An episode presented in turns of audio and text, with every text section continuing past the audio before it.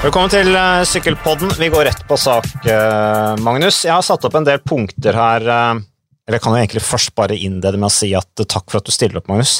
Du er en sann hjelperytter, fordi at jeg gjorde jo den megablemma på onsdag.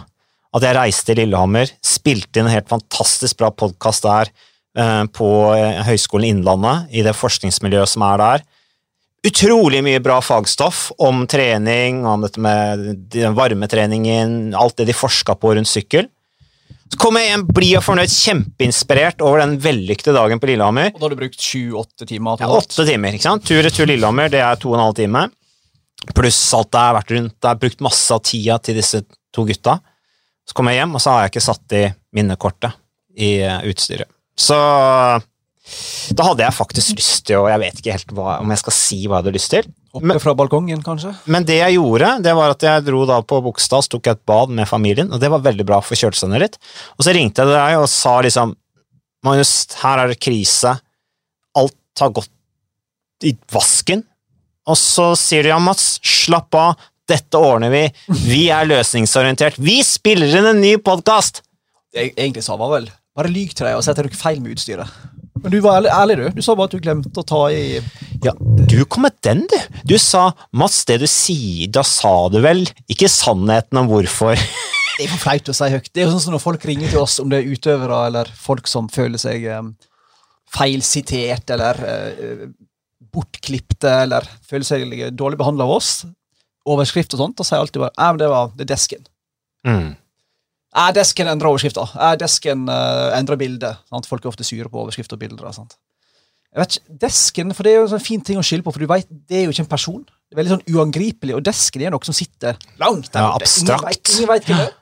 Og jeg òg, jeg vet ikke om jeg skal si dette høyt, da, men jeg skylder òg av og til på ja, Du er sjefen min. Og sjefen min, og ingen tør å snakke med sjefen min. Altså, Det høres jo høyt ut. sant? Ja, og hvem er sjefen? Hvem er sjefen? Ja, det er jo ingen andre som vet det. Ingen vet det. Så jeg pleier å skylde på desken og sjefen. Men du var ærlig og sa at uh, jeg dreit meg ut. Og dette har du jo gjort før òg, la oss være ærlige, da. Prøvde ikke du en podkast fire ganger? Magnus jo, i Team Coop? jo, det stemmer, det. Hvor jeg glemte å trykke på startknappen. Tre ganger på rad. Tre ganger, ja. Stemmer det. Han tok det utrolig bra, husker jeg. Det var, for, det var for NM for noen år siden, det.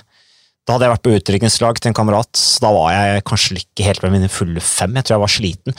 Men her i den saken her med Lillehammer, så sa jeg ringte til uh, Joar Hansen forskeren der oppe på Lillehammer og bare sa det som var. Jeg, jeg dreit meg ut. Jeg glemte å sette i minnekortet. Og han hadde så forståelse for det. Han er jo, han er en bra mann, så han har jo forståelse. Bra mann, altså. Bra mann, sa han. Vet du hva, Mats? Vi lager en ny podkast neste uke, sa han. Og så sa han i tillegg da er vi bare enda bedre forberedt, så da blir det enda bedre. Det likte jeg å høre, altså. For en mann, tenkte jeg. Før jeg gikk inn der, så så jeg Det er ikke ofte jeg er inne på Askerposten, det må jeg innrømme. Akersposten. Akersposten, unnskyld. Og der sto det eks-toppsyklist Hva var det sto rett? Sykler ikke Nei, på veiene? Jeg har Nei. ikke sett det. Sykler ikke lenger på veiene, eller unngår veiene. Mm. Fordi du syns det er for farlig, eller? Ja, øh, jeg har blitt intervjua i Akersposten angående den veistrekningen som går øh, fra Bogstad innover Sørkedalen. Fantastisk flott øh, veistrekning.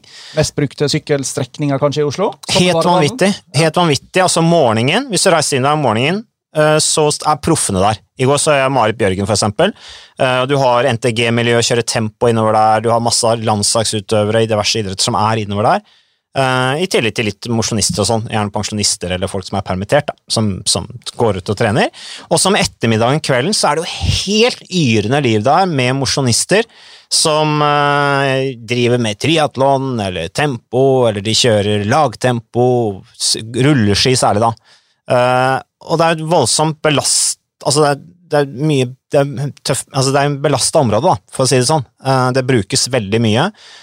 Og, og, det er jo selvfølgelig folk som bor inne hos Sørkedal, som skal fram og tilbake til jobb og sånne ting. Ikke så mange som bor der, men Nei da, heldigvis er det ikke det, men det er et fantastisk område. Det er jo en uh, oase.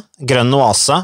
Poenget er at, ja, at den veistubben, der har det vært noen ulykker nå. Eh, for noen uker siden så var det en veldig stygg ulykke der med en motorsyklist som da kjørte inn en gruppe syklister og kvesta noen av de syklistene skikkelig. Eh, og det er klart, det kan jo skje igjen, for det området der er populært, og da mener jeg at de må investere litt i den veistubben. Altså, jeg mener at de bør lage en bredere veiskulder, sånn at det blir rett og slett mer plass. Har ikke vært snakk om et eller annet utbygging der oppe lenge? Jo, jeg tror det, og så har man bare ikke fått gjennomført det. Det er litt dumt, for du ser jo ja, Maridal og Sørkedalen er kanskje de mest, to mest brukte liksom, eh, treningsstrekningene i Oslo. Én ting er jo at veikvaliteten i Maridalen er jo Altså, sorry, Mac. Det er jo liksom vet Der, du, der runden møtes, med Mm. brua der Nå blir det veldig for Oslo-boere, da, men eh, Mm. dere får overleve. Der er, asfalten er jo helt katastrofalt dårlig til å være en så mye brukt vei. Og det er så mange sånn nestenulykker. Jeg er jo ofte oppe der sjøl, mest sånn i ettermiddags ja, fem-seks-tida. da. Der og Sørkedalen. Og det Jeg vet ikke, jeg. Jeg sykler jo mindre og mindre på veien sjøl. Jeg er så dritlei trafikken i Oslo. Det er så mange sure bilister. Det er så mange unødvendige passeringer. Sist nå, når jeg skulle ut ned til sykle ned til Nesoddtangen her for, for noen dager siden. Og det var en fyr som kom liksom i en sånn selvfølgelig en rød kabriolet. Legger selvfølgelig altfor nære bak før han skal kjøre forbi. Kjører selvfølgelig forbi da i en sving som eh, Du har null sikt. Han legger seg ut. Eh, skikkelig gassen i bånn for å lage litt masse lyd og litt sånn støy. Det er ganske stressende Ja. når du sykler. Og så bare hånda opp, og så fingeren i været. Ja. Litt sånn uh, som Lance Armstrong kunne gjort. Uh, apropos mannen vi kommer tilbake til snart. Ja. Det er så masse jeg, jeg, jeg er helt med på det at det går begge veier, og at det er mange syklister som oppfører seg helt fullstendig sjanseløst, både i Oslo og i Norge. Men jeg òg, litt sånn som deg, tror jeg, at du sokner mer og mer til uh, terrenget og til plasser der det rett og slett ikke er biler. Men, men Magnus, han bilisten du snakker om der som viste fingeren til deg, han viste fingeren fordi han syntes du hadde for korte sokker. Jeg har faktisk en innrømmelse som kommer der. Jeg satt, apropos det der meget betente temaet som jeg var trodde som jeg, som jeg trodde var et ganske sånn en, enkel ting å snakke om, men det er det tydeligvis ikke. Men jeg satt og så på et bilde fra en eller annen ferie for mange år siden. Så ser jeg liksom at det er en syklist med korte sokker på det bildet. Så tenker jeg wow, han så dum ut. Mm. Det sånn triatlon-dust som skal gjøre, komme rett fra bassenget, liksom? Zoomer inn, og så er du meg. Åh, Sitter der med sånne ankelsokker. Så tenkte jeg, er det sånn det faktisk ser ut? Så jeg legger, jeg tar hvite flagg i været og legger våpnene ned. Jeg har ikke sykla med korte sokker siste året. Så du så et bilde av deg selv, og det reagerte Ja, du altså, på med ja, det var, Det var bare litt sånn Hva er det der, liksom? Og nå, er jeg, Ja. Mm. så sorry, folk. Jeg skjønner at jeg har provosert mange med et litt sånn Ja, når du standpunkt. selv blir provosert av det, da er det kanskje på tide å Så jeg har gått over til den andre sida. Så jeg håper jeg blir tatt velkommen med, med åpne armer på den sida. Der er jo det veldig mange fra før. Ja, Eh, hvis du skal begynne med lange sokker, så skal jeg begynne med korte. Men eh, Magnus, bare for å bli ferdig med den Akersposten-saken. Altså, po- po- poenget er at det er jo Jeg er ikke noe sånn veldig engstelig sjøl når jeg sykler innover Sørkedal. Jeg syns det er et fantastisk område, men det er klart at det er veldig mange som nå er glad i å sykle. Er glad i å være ute, og så syns de det er gøy å sykle i grupper, og så har de ikke så mye erfaring, så de bruker en del plass. Eh, Og da tror jeg kanskje løsningen er rett og slett bare å gjøre de mest populære veistrekningene som brukes mye blant mosjonister, gjør de litt breiere. Jeg tror det er en god investering. Eh, Sånn at det blir lettere for bilistene å komme forbi. Det er eh, et godt kompromiss, mener jeg da.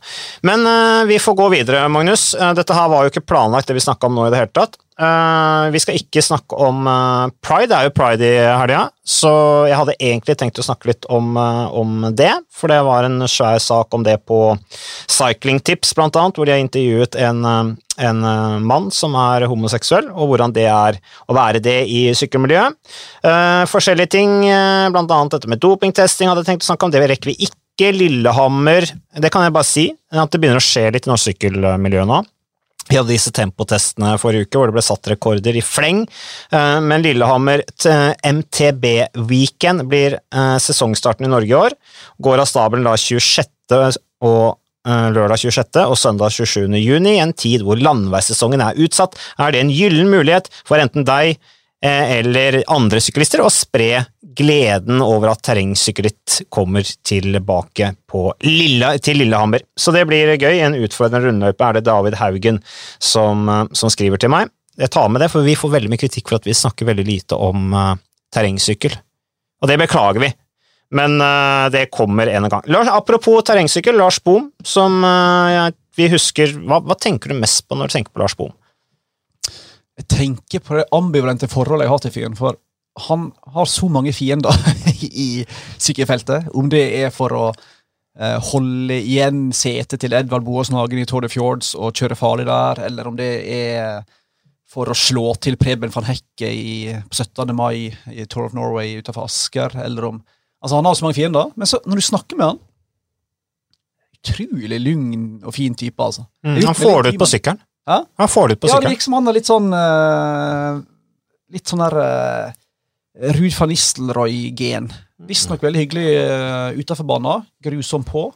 Mm. Uh, men Lars Bohm Jeg kjenner Elegant ikke. mann på sykkelen. Elegant mann på sykkelen. Ja, han er en uh, stilig syklist, det er han. Eh, så um, han vant altså denne Robé-etappen i Tour de France i 2014, og eh, ble jo faktisk nummer fire i Paris-Roubaix i 2015. Og på bakgrunn av erfaringen hans på, eh, i Paris-Roubaix, så skal han altså da være en eh, slags teknisk rådgiver i CCC Liv.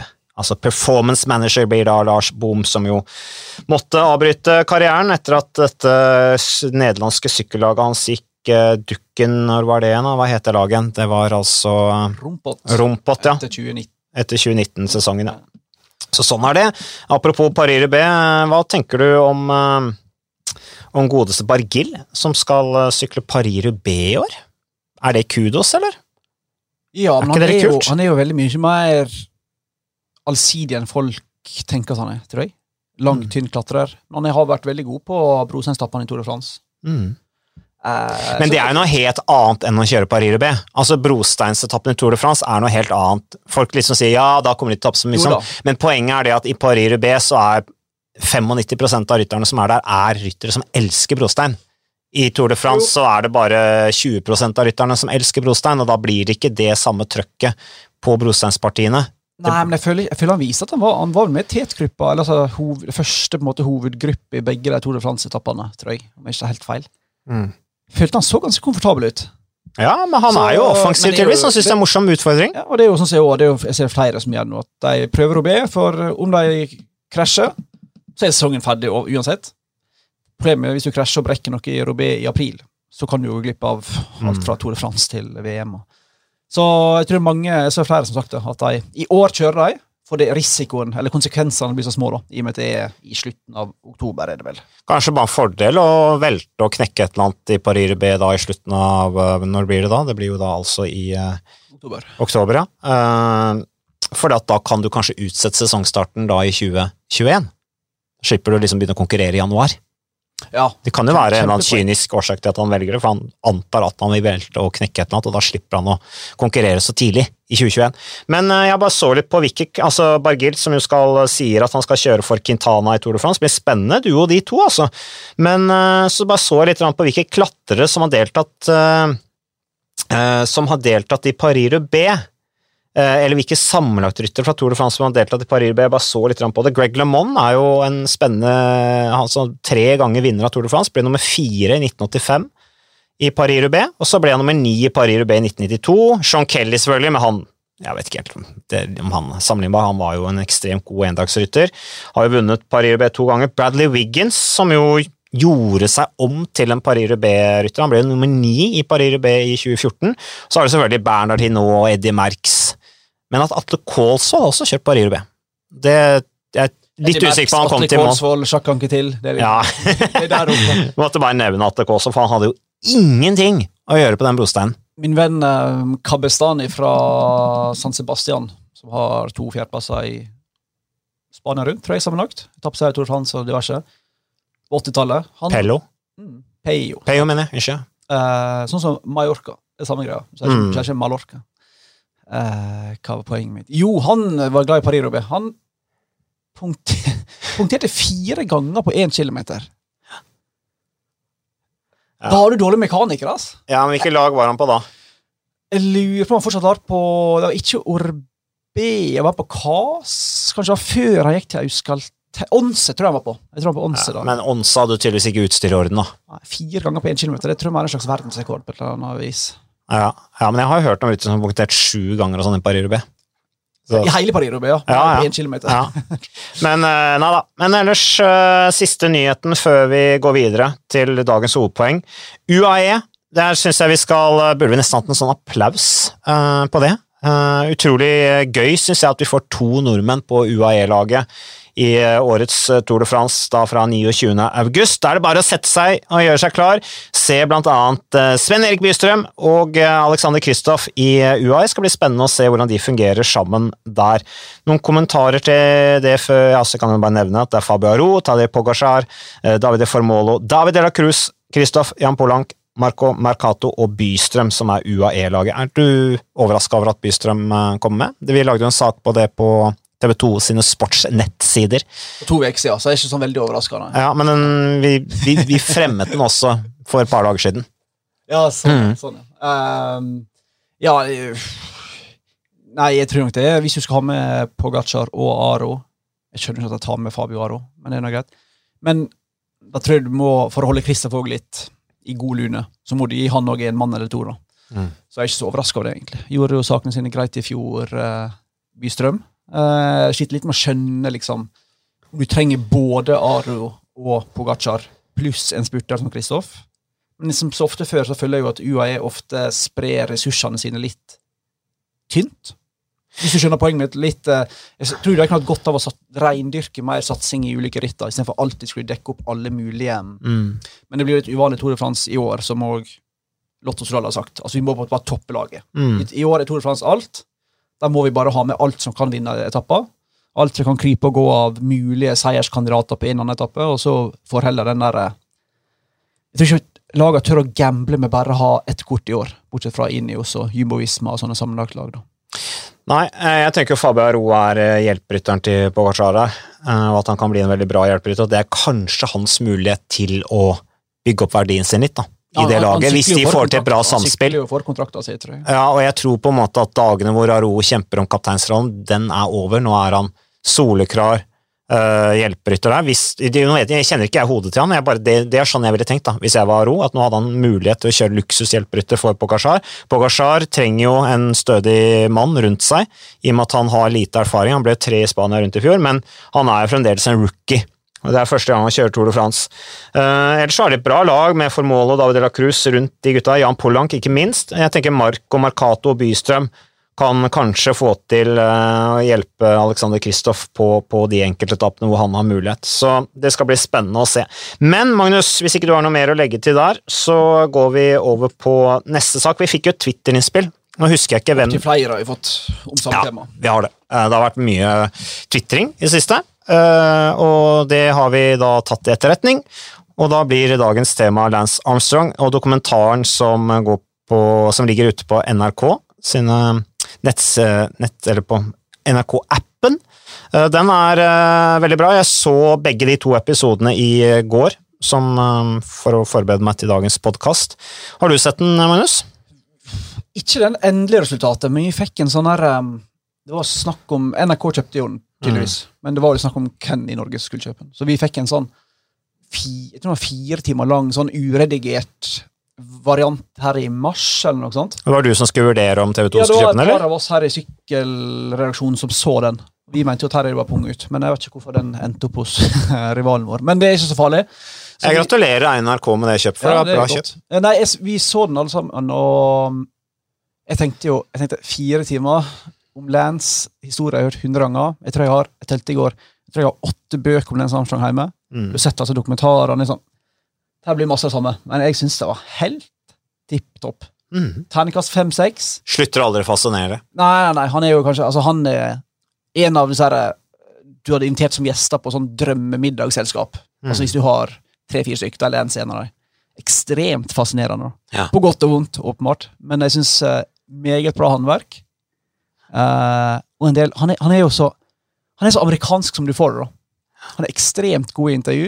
Ekstremt engasjerende. Uh, snakker jo i overskrifter. Ja, helt rå.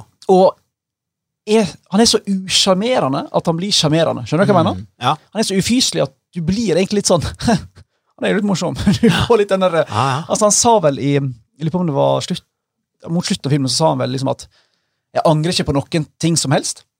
It could be worse. I could be Floyd Landis. Jeg, kun- jeg var sa at jeg kunne være en dritt som Floyd Landis. Ja, og det er litt sånn Det, det er en så fullstendig sjanseløs kommentar at at TV-verdien altså for oss som sitter utafor, er helt kanon.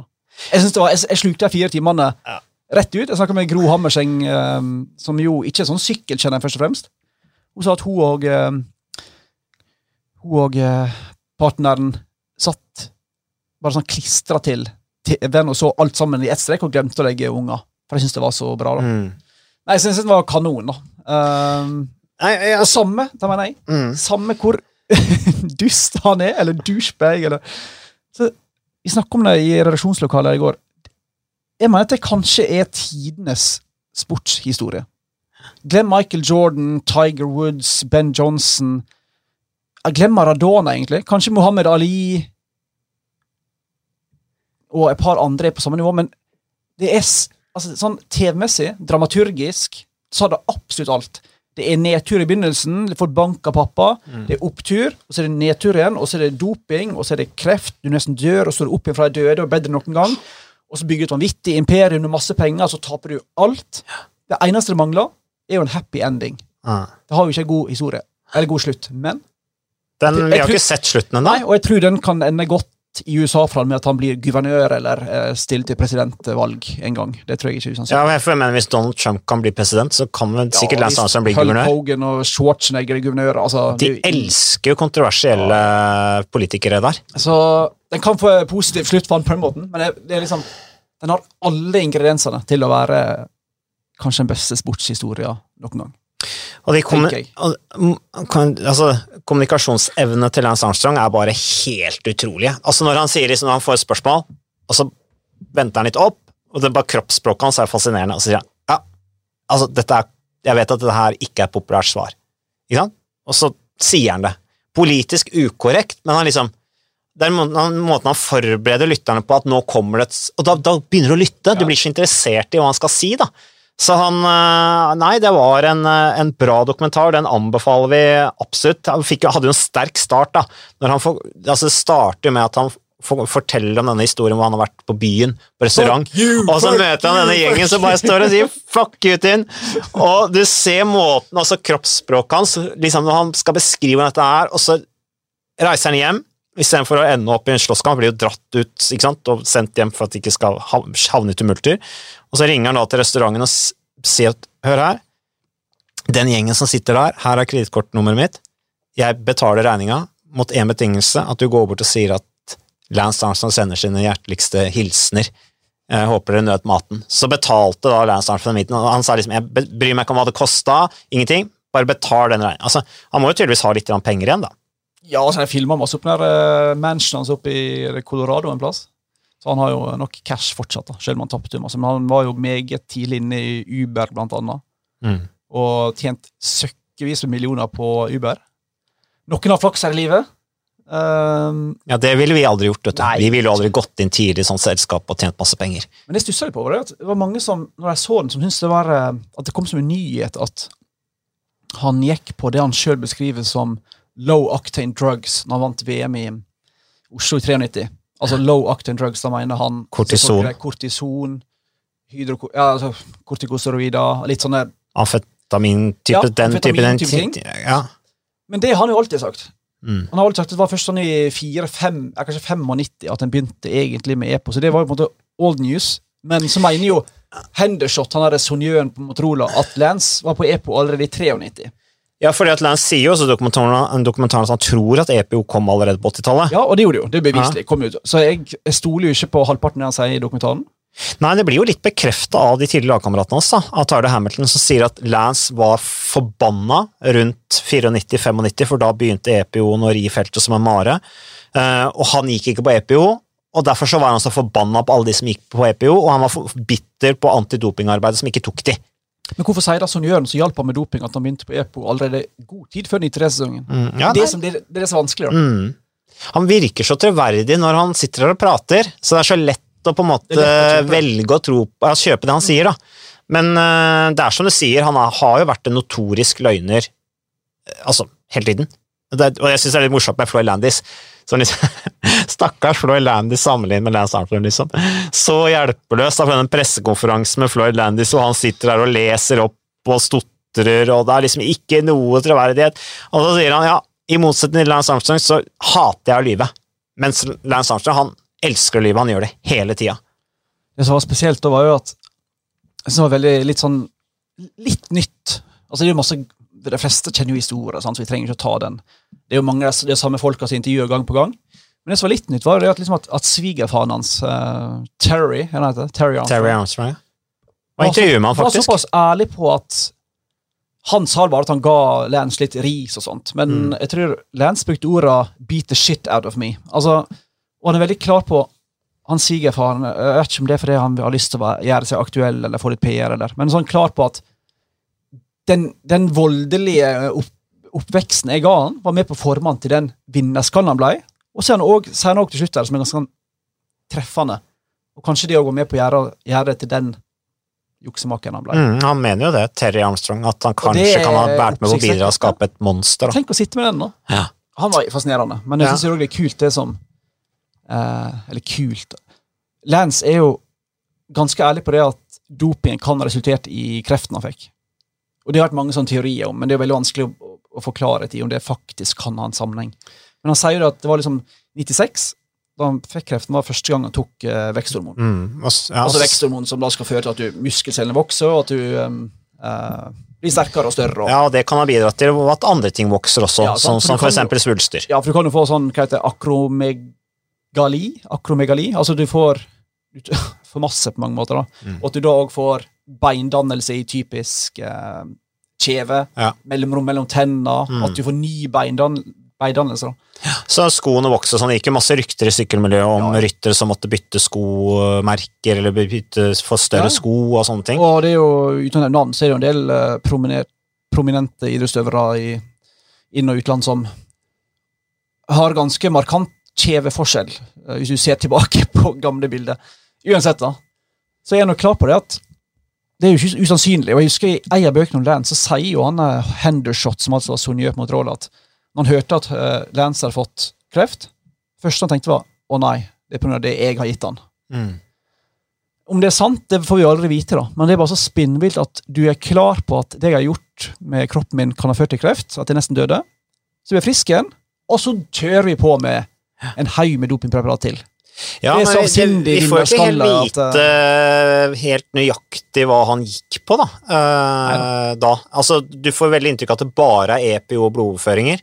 Som han sier at Ferrari var på en måte opptatt av 'less is more'. Som han sier at alt det handlet om det var Ferrari er sitatet av Ferrari der, eller hvor Armstrong siterer Ferrari. liksom Armstrong, all you need is red blood cells. Ikke sant? At det var hovedfokuset. Men vi vet jo ikke om han i tillegg har gått på steroider, veksthormoner, sånne ting, mens eh, han da fikk eh, Eller når han begynte å jobbe med, med Ferrari, om det bare var eller om det bare var eh, EPO og blodoverføringer det, det gikk i. Ja, det er sant. Men det er bare sånn Det sier så mye om den skallen, da. At du da velger å begynne på det kjøret ganger ti, når du da endelig er frisk igjen fra kreft. Ja, så blir han spurt om ja, liksom, ja, Det spørsmålet får han jo. Altså Når du kommer tilbake fra en sykdom du nesten har vært død, og så skal du begynne å dope deg igjen. Det, det spørsmålet får han jo i, i dokumentaren også, og så sier han jo uh, med EPO Nei. Altså, der kommer han med det. Ja, jeg vet at dette her høres u Dette er ikke et populært svar, men EPO er ikke noe farlig, sier han. Det har han jo Jeg vet ikke om jeg kan si det høyt, men uh, satt på spissen så har han vel rett. Samme som Michael at så lenge du administrerer det riktig og overvåker det, så er jo ikke det er jo ikke noe farlig i seg sjøl. Det er jo kun farlig hvis du tar for masse. Jeg har fått EPO, jeg.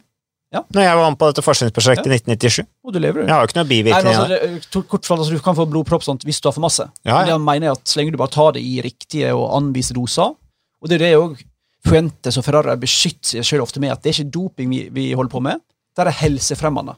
Mm. Fordi det i seg sjøl ikke er så farlig. Uh, det er selvfølgelig en logikk som er litt langt der ute, men eh, Altså, en godt trent person, en person med godt grunnlag, blir jo gjerne litt mindre sliten. Det er en slitasje å drive med idrett. Men den som er best trent, takler det jo best. Det er jo det som er hele tanken. Hvis du skal hele tiden fylle på med det som reduseres av testosteron og sånne ting, så hva, hva er poenget, tenker jeg da? Den som er best trent, takler jo belastningen best. Så jeg går, er ikke med på den logikken disse gamle legene. De, de, de, de sa jo det, jeg finner på alt som skal Ja. være beleilig for deg. Men uh, var ikke det litt spesielt når han reporteren spurte vel Lance om hva sier du hvis sønnen din, Luke Armstrong, som da spiller amerikansk fotball på Rice University, tror jeg hvis han har lyst til å begynne med doping, hva sier du da?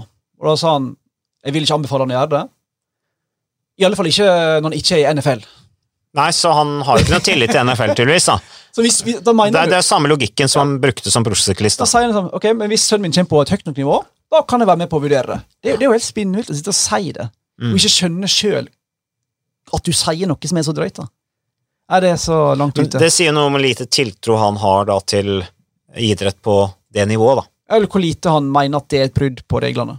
Mm. Enkelt og greit. Ja, altså han, han, han mener vel da at folk i NFL doper seg, da. Og at hvis sønnen min skal være med på det, så må han gjøre som alle de andre.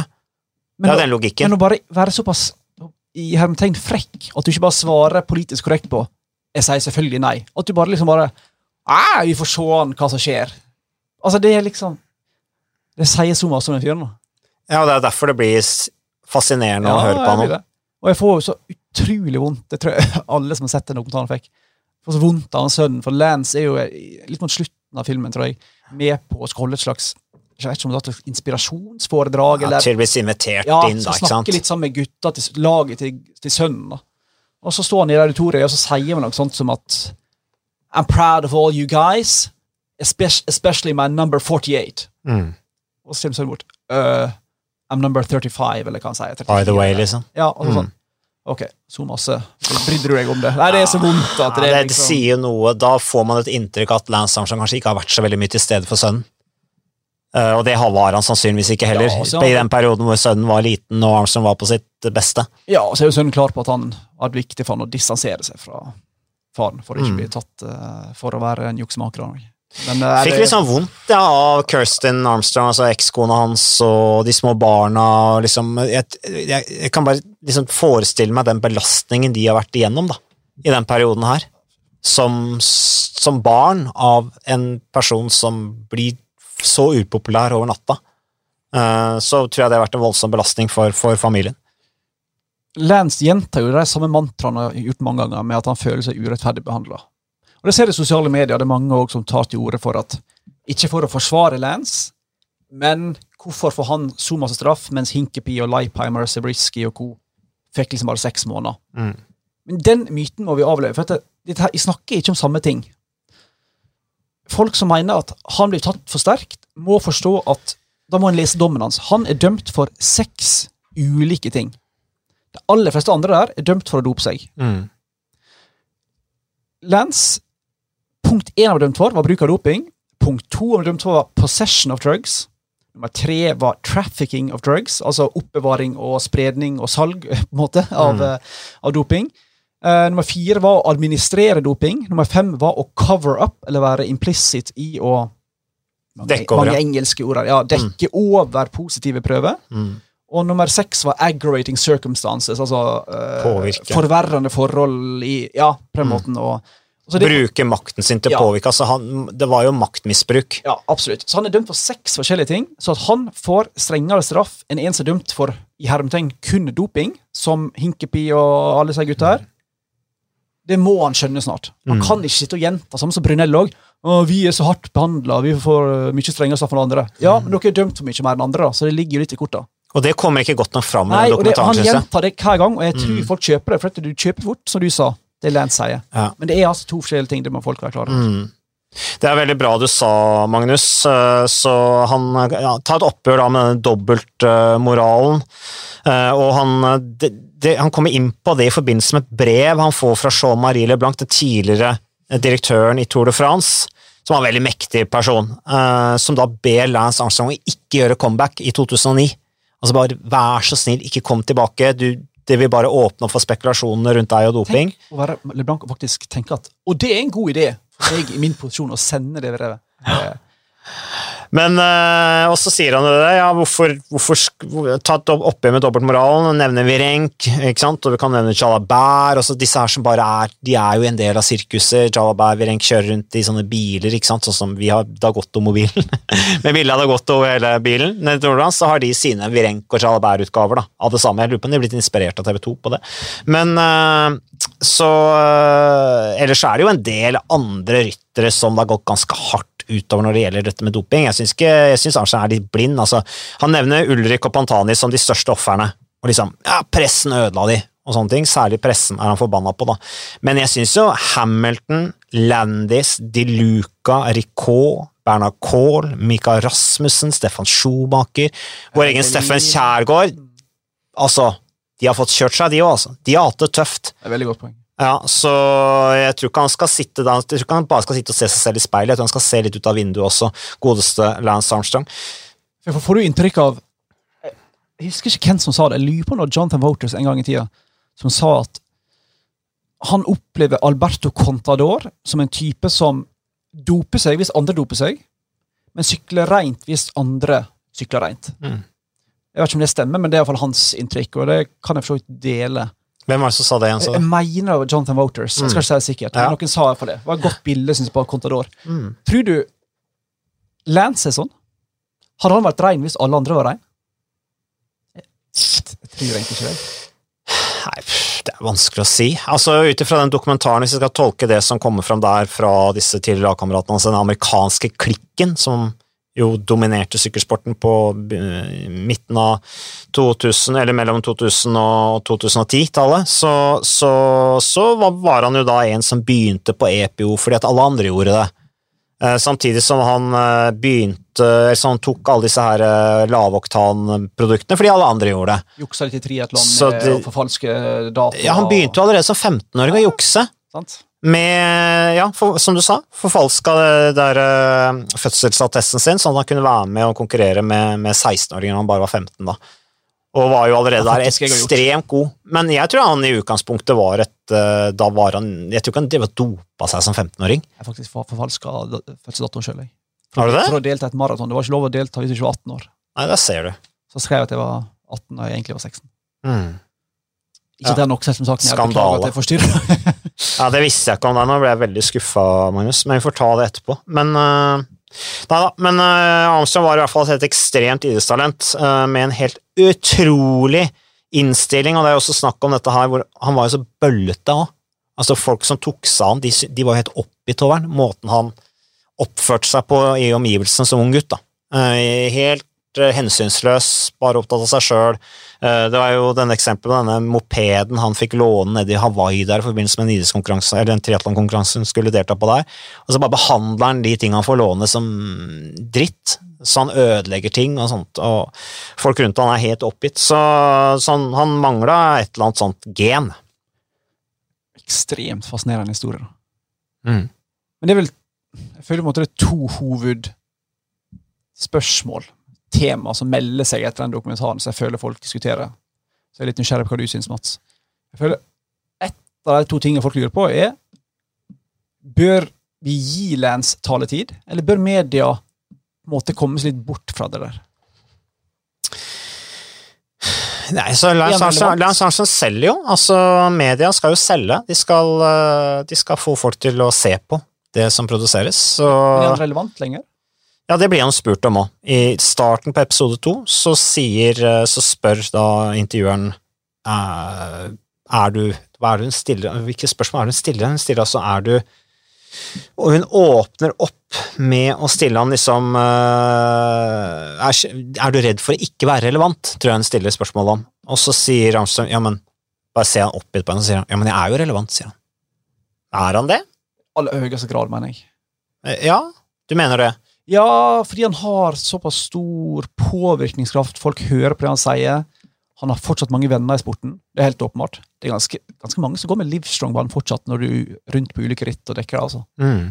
Blant sportsdirektører, blant annet? Ja, Ja. og tidligere eh, sonjører, massører. Rytter òg. Ja, ja. David de la Cruz har vel kjørt litt rundt med sånn Er det ikke han som har kjørt rundt med det? ja, det er mulig, det. Har ikke fått med meg. Ja, vent, jeg, vil- jeg skal ikke bekrefte det, altså, men, øh, men, Men han, øh, han er fortsatt relevant. Da, sant? Han er jo symbolet på alt som er galt med sykkelsporten på mange måter. Jeg mener, han er i høyeste grad. Han har ganske masse, apropos det vi snakket om for en ei uke eller to siden, uformell makt. da. Han har ganske stor definisjonsmakt, eh, tenker jeg. da. Og jeg mener at folk, jeg skjønner at folk er litt sånn her eh, Nå vil jeg lands, nå må media dekke noen andre og ikke gi han taletid hele tida. mm. Jeg skjønner det, men jeg tror da må folk skjønne at selv om de som sier det kanskje er en del av sporten, er veldig engasjert eller trener masse eller i sykkelklubber eller altså, Men vi i media er jo ikke en del av det. Vi er jo rundt sporten. Så det er på en måte ikke vår oppgave å helbrede den. Skjønner du hva jeg mener? Vi har litt, to litt forskjellige synspunkter. Og så lenge han er så relevant som han er, og det mener jeg i og med at helt åpenbart at han ikke har sagt hele sannheten, Han sitter inne med så masse fortsatt. Og er så toneangivende for neste generasjon amerikanske syklister. Så mener jeg at han, han må jo absolutt gi taletid, tenker jeg. altså. Men hvordan er han toneangivende for neste generasjon amerikanske syklister? Jeg tror veldig mange fikk eh, både, både drømmer og ambisjoner knust. Mm. Sikkert mange som ga seg. Jeg ser han promotere Matthew Richitell og en del sånne unge amerikanske syklister i sine sosiale medier. Han er stadig vekk ute med å sykle med om det er Jeg husker ikke om det var Lawson Craddock som er fra Texas. Eller. Altså han, han omgås jo stadig vekk miljøet der, for de som er proffer fortsatt. Og han har jo på en måte definert ufrivillig hva amerikansk sykkel er, da. De aller fleste gode amerikanske syklister er jo ferska for doping Mm. som i en del andre land. men det er jo liksom bare Greg LeMond nesten som står igjen som altså Nå glemmer jeg sikkert noen i farta, men om det er Leipheimer eller Hinkepi eller Lance eller Landis eller altså Alle har jo blitt avslørt. sant? Mm. Hamilton. Kevin Livingston ble jo aldri eh, tatt, da. Han var jo en veldig betrodd hjelperytter av Lance Armstrong, men han ga seg bare plutselig. Ja, sant. Nei, men Jeg mener at han er toneangivende for rekruttering der borte fortsatt. da. Og om en klarer å distansere seg nok fra Lance i USA til å på en måte begynne på nytt igjen. på en måte. Og du ser Taylor Finney har jo godt forhold til altså, Er sånn veldig relevant borte i USA fortsatt, altså. Tyler Finney kom jo fra rekrutteringslaget hans, eh, Ja. Livestrong, da, den gang det het det. Så jeg mener at det er vanskelig for oss i media å skulle tie Lance Armstrong i hjel. Altså. Mm. Ellers er det interessant det som blir eh, sagt der fra Floyd Landis og Tyler Hamilton eh, rundt den makten som Armstrong hadde, når altså Landis vinner Tour de France i 2006, og så mener da Landis at eh, Armstrong likte jo ikke det. Han satt hjemme og hata synet at Floyd Landis vinner Tour de France. En annen amerikaner som kommer, og, kommer tilbake, eller så, som vinner Tour de France med en gang han gir seg, etter å ha vunnet sine, sine eh, Tour de Francer, og har lagt opp. Eh, og så mener jo da Floyd Landis at, at Armstrong skal ha, ha såpass påvirkning på Det internasjonale sykeforbundet, og det sier jo Tyler Hamilton også, at han kan på en måte styre at hvem, hvilke amerikanere som skal kunne vinne, da. Hamilton mener jo at årsaken til at han ble tatt i doping, er fordi at han ble så god at Armstrong ville ha han fjerna. Han ble rett og slett, han ville ikke ha noen andre amerikanere som, tok, eh, som satte han i skyggen. Eh, så, så Hamilton påsto i den dokumenta- dokumentaren at Armstrong ringte Det internasjonale sykkelforbundet og ba de om å ta han i doping. Jo, det er samme tilfelle jo med Hamilton ja, og Iban Mayo. Det òg er jo dokumentert. Han advarte, ba dem om å teste, blant annet etter at jeg tror Mayo da han vant eh, bakketempoen opp, vant to i Dauphiné 2004, blant annet. Han knuste alle. Åpenbart kjempedopa. Men Dag hadde han en makt at han bare kunne ringe, liksom Om det var så Eller altså, om han ringte legene eller presidenten eller hvem det var. Men bare å Han må dere teste, han må få ut. Uh, og det høres jo for dumt ut være sant, men uh, det skjedde jo, da. Jeg tror det er få som bestrider det. altså. Lance sjøl, kanskje, men uh, det framstår jo helt åpenbart at det var sånn han gjorde. Men, men det som skjedde på den tida, der, var jo at uh, Internasjonale Sykkelforbundet de, de eh, ringte jo faktisk, eller de sendte jo brev til lagene og fortalte om liksom, hva slags type score de hadde uh, rundt dette med mistenksomhet. da. Ikke en score, men de fortalte om de var mistenksomme eller ikke. Og jeg husker at uh, Rocher Lichy kom inn i bussen vår og sa at ja, vi har fått brev fra Internasjonale Sykkelforbundet om at vi har veldig lave verdier alle sammen, alle ser slitne ut. Og da har de altså sendt brev da, til de ulike lagdirektørene og fortalt liksom hva de mener om tilstanden i laget. Da. Eh, Og det er jo der også Hamilton mener at, at han ble advart av Det internasjonale sykkelforbundet også eh, mot doping. Altså at han ble, eh, fikk advarsel om at ja, Hamilton, du, du, du har så høye verdier, eller du ligger så på grensa at du kommer til å bli tatt snart. Så det, det er jo også en historie som kommer fra Hamilton i boka hans i The Secret Race, som for øvrig også er en veldig bra bok av eh, Hamilton, som for øvrig var en hyggelig fyr. Første spørsmålet var jo da om han, vi bør gi han taletid. Men det andre jeg tenker på liksom i etterkant, er jo Kan han bli tilgitt? Tror du det? Eller er det for seint nå? Uh, jo, jeg, jeg, jeg tenker at han kan bli tilgitt, eh, men det kommer litt an på hva slags holdning du har. altså Om det er veldig svart-hvitt, eller om du ser på en måte gråsonenyansen. Altså, det er klart at Lance Armstrong er en på én side en veldig fascinerende, inspirerende type, og i den dokumentaren der så er det jo dette med kreftsaken, og hvor det er noen som oppriktig mener at han helt praktisk har bidratt til å utvikle kreftarbeidet. for pasientene i USA. Det er jo intervju med en dame der, blant annet som dette som går på steril, eh, sterilitet og de tingene der, at han fikk opp oppmerksomheten rundt det og bidra til å utvikle det arbeidet for kreftsyke unge mennesker, ikke kreftsyke barn, ikke kreftsyke gamle, men liksom unge mennesker, som, hvor dette var veldig tabubelagt. da dette med hva som skjer med forplantningsevne og sånne ting. Så har dere gjort en del god journalistikk på hvor lite pengene de får som faktisk blir brukt til noe konkret. da. Mm. De slutta annet å sponse, eller sponse, altså å bidra i forskning, f.eks. Og da begynner du å lure på hva du gir penger til.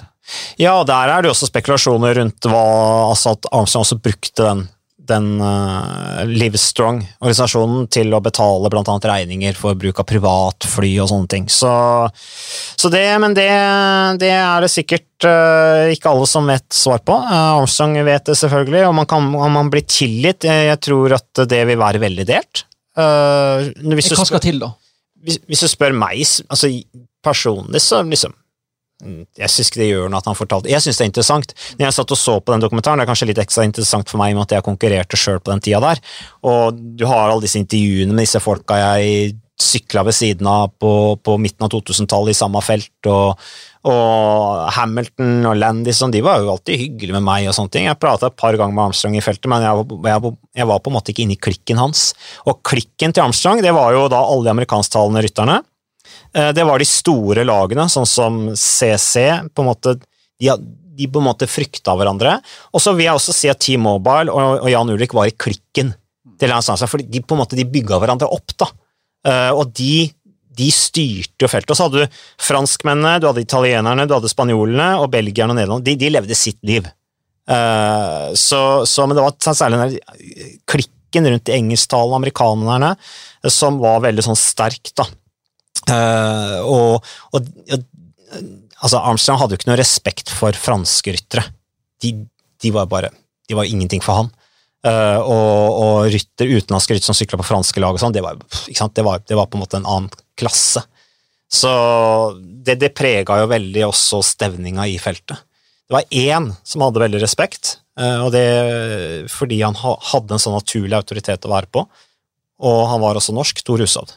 Han på en måte Eh, jeg, tror, jeg, ble jo aldri mobba i feltet og sånn, men jeg tror at hvis ikke det hadde vært fordi at jeg var kameraten i Tor og sånn, så tror jeg fort kunne blitt mobba, liksom, fordi de kanskje ikke respekterte meg, da. Dytta på og sånne ting.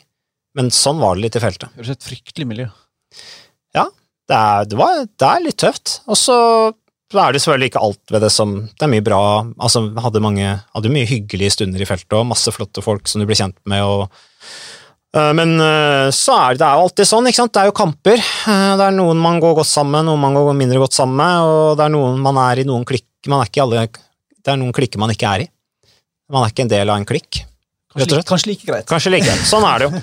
Så, men det er i hvert fall spennende. Men han blir jo spurt om hva det verste han har gjort mot en person, da. Og det mener han er Emma Riley, den tidligere massøren i, i US Postal Service, eh, irsk massør, eh, som, eh, som, får en del intervjutid i den dokumentaren. Som jo jeg får litt inntrykk av at kanskje ble litt satt opp i et hjørne av David Walsh, journalisten, som kanskje fikk henne til Fikk på trykk ting hun egentlig ikke hadde lyst til at skulle komme på trykk på den måten, og at det starta en voldsom sånn svertekampanje mot henne da, fra Armstrong. og han sier jo der at han kalte henne for en hore og han beklager jo det, eh, men hun har fått kjørt seg. Men hun har visstnok tilgitt han, for jeg, jeg, har en god venn som kjenner henne godt, og hun har sagt at han har ikke noe problem med han lenger. Så det, det, er jo interessant. Det er folk rundt han som faktisk tilgir han, som har hatt en ganske tøff belastning av oppførselen hans. For, for O'Reilly mente vel at han innrømte til legen ved kreftbehandling. Nei, det var, eh, det var altså Det var Andrew, And, Andrew ja. ja. og det, det, Poenget mitt var bare at det ironiske der er at de sier jo at ja, vi hørte han sa han hadde satt uh, dopingmiddel til legen før han skulle behandles for kreft. Mm. Og tidligere så har jo Lance ofte sagt at Nei, aldri sagt det. Men nå har det gått over mer i en tone med at Nei, nei, jeg husker ikke hva jeg sa, for jeg var jo helt borte. Så den forklaringa der òg, bare sånn som et apropos, den begynner å bli tynnere. Altså flere og flere varianter der. da. Mm. Men det kan jo være at Lance Armstrong ikke husker det, for vi må jo huske på at han lå jo der da i fullstendig ørska. Absolutt, men han har vært veldig tydelig på før at det sa jeg ikke. Hvis du ikke husker det, hvordan kunne du vite at du ikke sa det? skjønner du? Nei, nei. Men, men. Men nå har han jo på en måte ikke noe å tape på å innrømme at han har sagt det, og fremdeles så sier han vel at han ikke husker det. Og nå, Det kan jo kanskje være sant, men før kategorisk nekta han for det fordi at det var en del av løgnen for å beskytte han selv, ikke sant? Men han nekter jo, han nekter jo å innrømme doping når han kom tilbake igjen. Ja, det gjør han, men pff, hadde vel igjen litt eh, effekt allikevel, da. Jeg, jeg, jeg tror ikke noe på at Lance Armstrong ikke brukte doping. Han kom tilbake i 2009 nei, nei. for Radio Shack. Det er vel kanskje for å unngå Nå er vel Radio Shack konkurs, så han det er nok ikke noen søksmål og sånt der òg, hvis han var dopa. Det tror jeg på.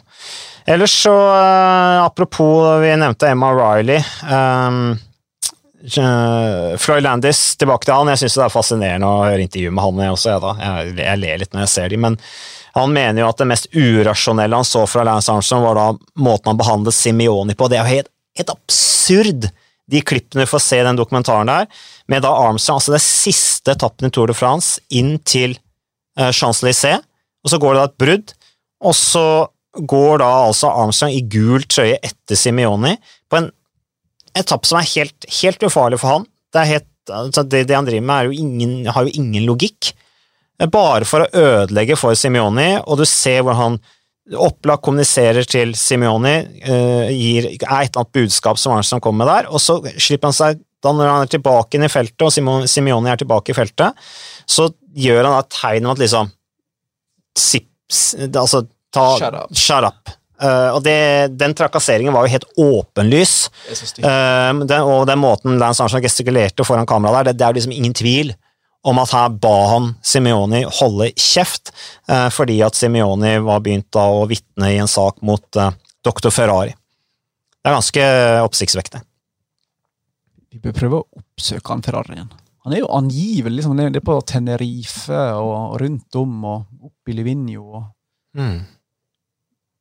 men ja. Nei, jeg tenker at det må, må ikke være umulig å spotte. Altså, Er det ingen som klarer å ta et bilde av fyren hvis han er overalt, tydeligvis? Det var det ikke noe nylig, da? At det var noen som hadde tatt bilde av han sammen med Jakob Folsang? Jo, men vi har aldri sett det greiene. sant? Og så bruker han på en måte sønnen som en slags sånn her uh, eh, stedfortreder ofte, da. Men um, nei, hvis han driver og opererer fortsatt, så Noe han angivelig gjør, da. Så, eh, ja, nei. De sier jo også at Fuentes er fremdeles Ja, han er aktiv. Han bor på Gran Canaria, Ja, visstnok. Det er triatlonmiljøet, tror jeg. Så, um, vanskelig å holde seg borte, tydeligvis. Nei da, disse gamle røverne, men eh, er det noe mer du vil legge til eh, rundt eh, Lance Armstrong der, så tenker jeg at vi har holdt på lenge nok jeg, med dagens uh, sykkelpod. Ja, Takk kanskje- for oppsummeringa, Magnus. Takk det samme. Så får alle ha en fin helg, og så er vi tilbake sannsynligvis neste uke med en ny episode av Sykkelpodden. Jeg skal til Lillehammer. Da blir det Minnekort. Denne gangen skal jeg ta med meg minnekort. Helt klart. Så takk for at du lytter på. Det ble en ny, lang episode. Eh, ha en fin helg.